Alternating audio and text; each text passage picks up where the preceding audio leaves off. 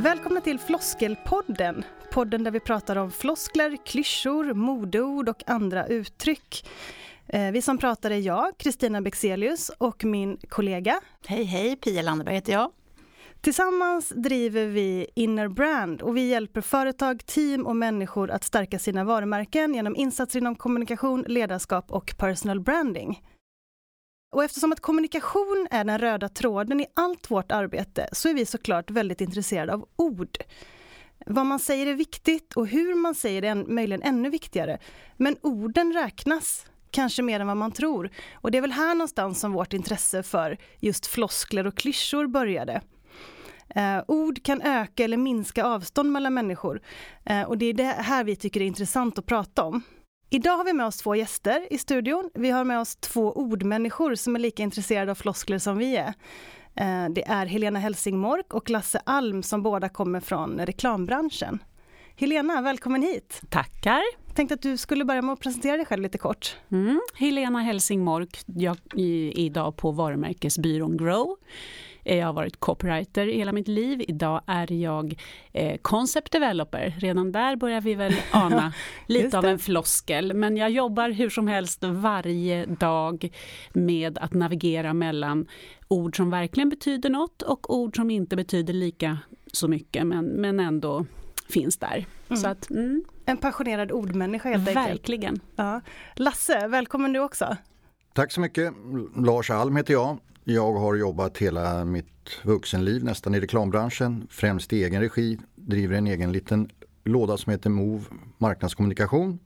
Och jag är som det sades i påannonsen också jäkligt intresserad av ord och ordens betydelse och vart de tar vägen och var de kommer ifrån. Mm. Också en passionerad ordmänniska. Verkligen. Ja, Kul, vi är jätteglada att ni är här idag. Väldigt roligt. Kul att vara här. Vi, ska prata om, vi tänker att vi ska prata om floskler i allmänhet idag. Eh, varför, varför använder vi oss av dem? Var kommer de ifrån? Vad är grejen egentligen? Varför håller vi på så här? Och vi kan väl också börja med att säga att vi är ju, ja, vi är ju lika skyldiga som någon annan till det här floskelanvändandet. Jag och Pia inte minst. Vi kämpar mot dem och samtidigt så dras vi hela tiden ner i floskelträsket. Det är lätt hänt. Varför tror du att det är så, Helena? Nej, men jag tror att, att floskler, för det första så fyller det ju någon slags funktion, det smörjer språket lite. Det blir lite fylligare, folk förstår, det är ju ofta beskrivande ord som analogier för någonting annat. De, ah, ah, det, det ger en liten härlig känsla. Och sen tror jag också att det handlar om att imponera ibland, man vill visa att man hör till. Och det mm. kan ju vara att man använder en floskel som är väldigt branschspecifik mm. för att visa att den här branschen behärskar jag. Eller också är den bara lite extra svår för att sätta sig i respekt. Jag tycker att det här är någonting man ser, som du säger, branschspecifikt. Väldigt, väldigt branschspecifikt är det också. Men att det är någon form av ängslighet, mm. tycker jag. Mm. Oro för att inte passa in och höra till, som du säger. Eller oro för att bli avslöjad som okunnig eller sådär. Ja. Eh, men någonstans är det som, som du sa i början, Kristina, att, att ord eh, höjer eller sänker trösklar. Alltså du kan ju markera ett avstånd där jag är den som är vet och som är initierad. Och du är den mindre vetande. Vi har väl alla suttit med läkare eller advokater eller någonstans och bara känt vad säger de egentligen? Ja, och i, i mitt jobb idag tycker jag ofta det handlar om att förenkla saker så att folk förstår. Ja. Men jag kan ju också märka att jag ibland, om jag vill, känner mig lite förminskad, ja men då är det lätt att slänga in ett litet implicit. ja, precis. Att man vinner lite på det. Ja, ja då fick man lite höjd igen. Ja, jag tänker rent historiskt som, som västgöte då, så hade ju knallarna ett eget språk, monsing, och det var ju till för att ingen annan skulle förstå. Och apropå branschjargong, så egentligen redan där någonstans mm. börjar ju det här. Mm. Och då var det ju verkligen till för att man skulle kunna prata om sina businesshemligheter och ingen förstod. Och någonstans är det väl kanske där det är en förlängning av det som man fortfarande ser, att man har sina speciella uttryck, reklambranschen inte minst mm. eh, ledarskaps... Eh, jag tror de flesta branscher, Alla tror branscher, de flesta har, branscher har sitt, det tror jag. Och det är verkligen höja eller sänka, höja eller sänka ribban. Vill vi att folk ska förstå överhuvudtaget? Jag kan tycka att eh, knallespråket är intressant och det fanns ju också som gammal söderslang och sånt där att man pratade så att eh, söderkisarna pratade som ingen skulle förstå. det går att, inte att förstå söderslang. Eh, det är ju helt hopplöst. ligger någonting i det. Eh, men eh, jag tänker mer på det här med att man, eh, anglofieringen, att det kommer, man tar till engelska uttryck för att man är på sätt, något sätt missnöjd med, jag tycker inte att svenska språket är tillräckligt rikt. Och då kan man ju prova att läsa en bok av Strindberg om man inte tycker det, men att det blir någon slags eh, form av eh, uniformt i alla från affärskretsar till politikerkretsar har ett eget språk som tar sig konstiga uttryck. Och det, det kommer vi väl komma in på lite grann. Olika, exe på olika sätt, exempel. Ja, lite. Det är det du tänker att det är. Vi tycker inte att svenskan duger så vi tar hellre till.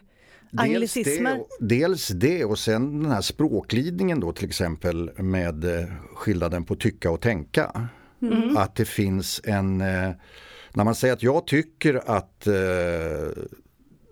invandringspolitiken är fel kontra jag tänker att invandringspolitiken är fel så finns det ju någon slags språklig glidning där som är i samhället överlag kan jag tycka att man inte vill ta ställning för någonting utan man glider på orden. Att eh, jag tänker, det kan man gömma undan lite medan jag tycker då har man slagit näven i bordet och sagt det här står jag för. Och eh, alla i samhället idag, alltså i offentliga, i tv, i det offentliga rummet, tänker hela tiden. Ingen jäkel tycker någonting längre. Mm. Och jag håller med om det, absolut, att det, det överanvänds. Men jag tillhör de som också tycker att det är ganska inbjudande ibland att någon säger men jag tänker så här att det handlar mer om att jag har inte format, så är det för mig i alla fall, att jag har mm. inte format en färdig åsikt. Men ibland är det eh, mer tillåtande. Att jag bjuder in er till, det är liksom inte mm. någonting som jag känner att jag vill försvara eller förklara utan jag vill bara lyfta upp en diskussion. Mm. Det är ofta då jag säger jag tänker.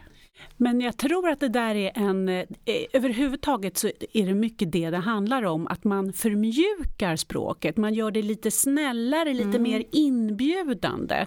Som om man säger tänker istället för tycker. Tycker är lite hårt, oj du har redan bestämt dig, men du tänker, ja känns bra. Eller man investerar istället för köper. Det är, det är en positiv känsla inför det. Och att det, det blir, vi vill vara så nice hela mm. tiden. Men det är både och det där. Jag, jag, jag tycker. Att det finns ju en tid för tycker och en tid för tänker. Ja. Men jag håller med Lasse om att det här tänkandet, vi säger ju tänker, jag säger också tänker mm. jättemycket när jag egentligen borde kanske säga tycker. Eh, men jag, för jag, det, det är på ett sätt trevligt men i vissa fall så, ja men tyck någonting då. Ja. är man ju jättetrött på folk som mm. bara tänker. Ja. Tyck istället. Men Helena, du hade ju någon teori där om att det kom från I think. Ja, jag, jag, jag tror det, att det kan göra det just där. Men, men och just precis att man har översatt det, för det finns ju andra sådana exempel också. Nu kommer jag faktiskt inte på någonting, men det blir, vi försvenskar ju ord och plötsligt så blir det en sanning att, att det heter så. Mm. Eh, men det är ju också så att ord smittar ju, floskler smittar ju så oerhört så det är svårt att sitta och vara språkpolis även om som vi fyra faktiskt tänker väldigt mycket på sånt här. Så är det svårt att vara den enda som plötsligt säger jag tycker.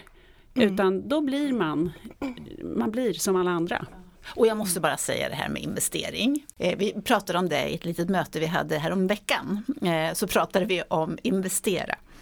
Eh, och då har det börjat bli så, åtminstone i ledarskap och coachingbranschen, jag vet inte, det är säkert i andra konsultbranscher också, att det står, jag erbjuder någon ett ledarskapsprogram eller en coachingprogram och så istället för att skriva arvode eller pris så står det investering. det, är, det är verkligen hemskt. Vad gillar ni den? Det, Nej, det är förfärligt. Det är att sätta sig själv på en ganska hög häst tycker jag. Kanske att jag kan få bedöma om det var en investering eller, eller bara ett väldigt högt pris. Ja. Eller var det mm. pengar i sjön ja, kanske rent exakt, Det är hemskt Det är en senare faktiskt. fråga egentligen. Men det som Helena säger med eh, de engelska uttrycken som kommer farande i parti och minut, eh, anglofieringen, då har vi ju det som har blivit en farsot på sista tiden är ju narrativ. Att allting har blivit ett narrativ. Och eh, jag undrar när blev det det och varför fungerar inte berättelse och historia eller sammanhang?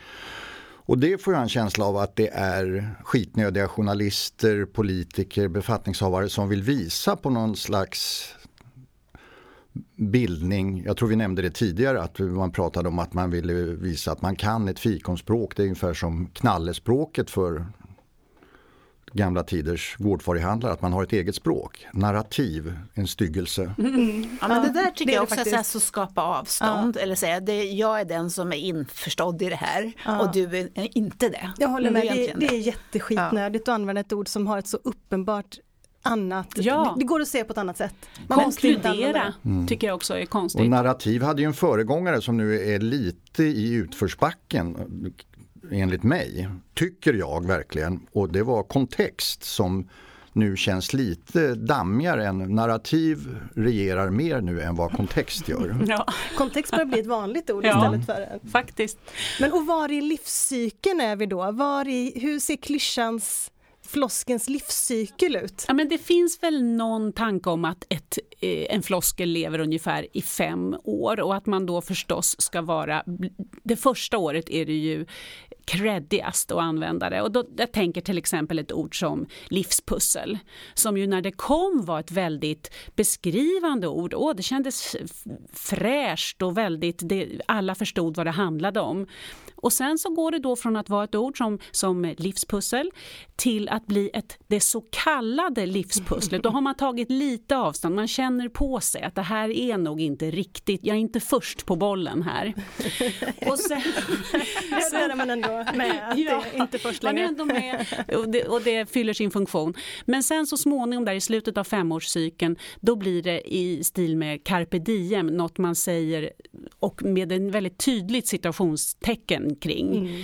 Kanske till och med med hjälp av fingrarna som jag märkte att jag gjorde här nu. Att, att livspusslet, alla förstår att det där är slitet men ja, du använder det i alla fall. Just. Och sen är det definitivt dött. Ja, det är jättespännande just. Det gäller att hänga med i början där på på livscykeln ja. för att inte vara helt ute.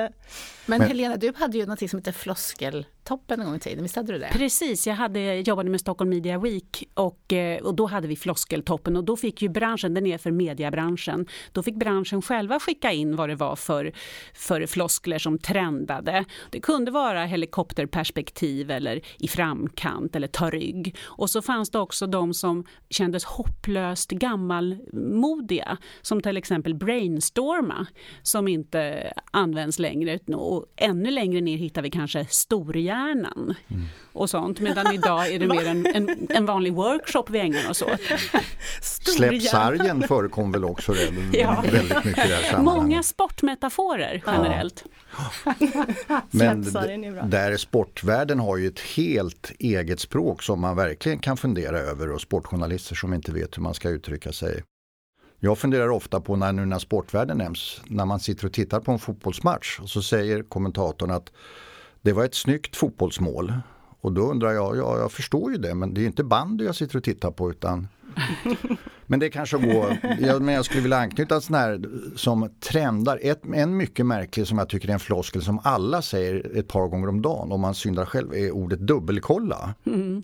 Vad betyder, det hur gör man då när man dubbelkollar? Ja, jag håller med. det är helt meningslöst egentligen. Jag får inga, jag får konstiga bilder liksom, försöker titta.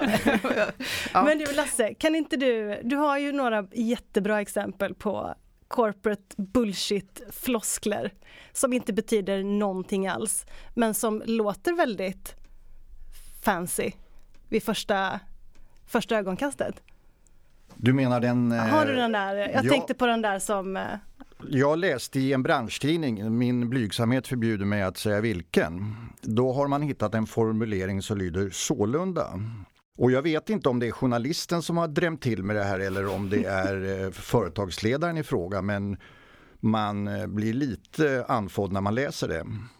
Eh, citat. Jag är övertygad om att framtidens affärer behöver byggas kring ett genuint kundfokuserat mindset. Det utgörs av ett ständigt öra mot marknaden och där utvecklingen av ett företags verksamhet och kunderbjudande drivs agilt utifrån kundinsikt och analys i alla led. Det funderar jag lite på vad det betyder och eh, hur man ska tolka det. Ja.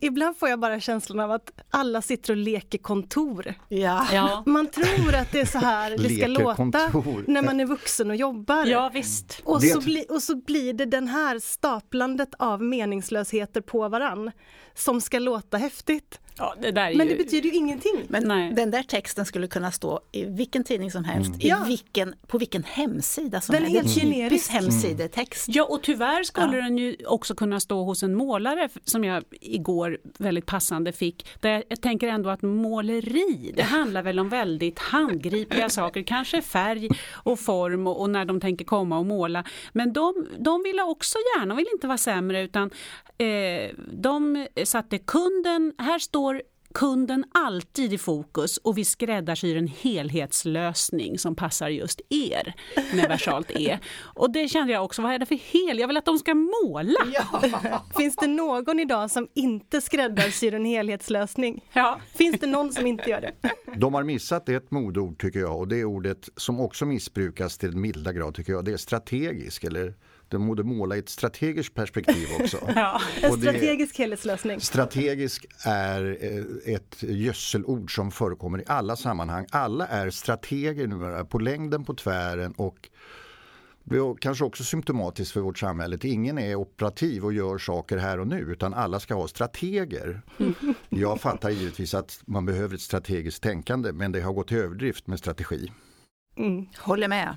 Eh, ibland tycker jag ändå att det är så, jag vill vara lite ödmjuk där, ibland kan det vara svårt att undvika en floskel. Jag tänker till exempel på brinna för, som jag verkligen vill undvika.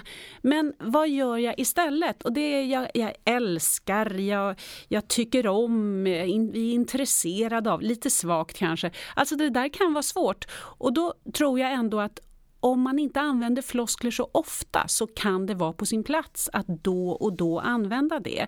Men istället ha brinna för det har, som du säger, alltså gödslats med så oerhört så att det används i alla sammanhang. Det används i jag brinner för plåster, jag brinner för stekt mat. Det har tappat sin kraft och det har förstört för oss andra som ibland vill använda det. Det är väl samma som strategi som har ordets ursprungliga betydelse som för mig är långsiktigt tänkande eller långsiktig planering. Mm.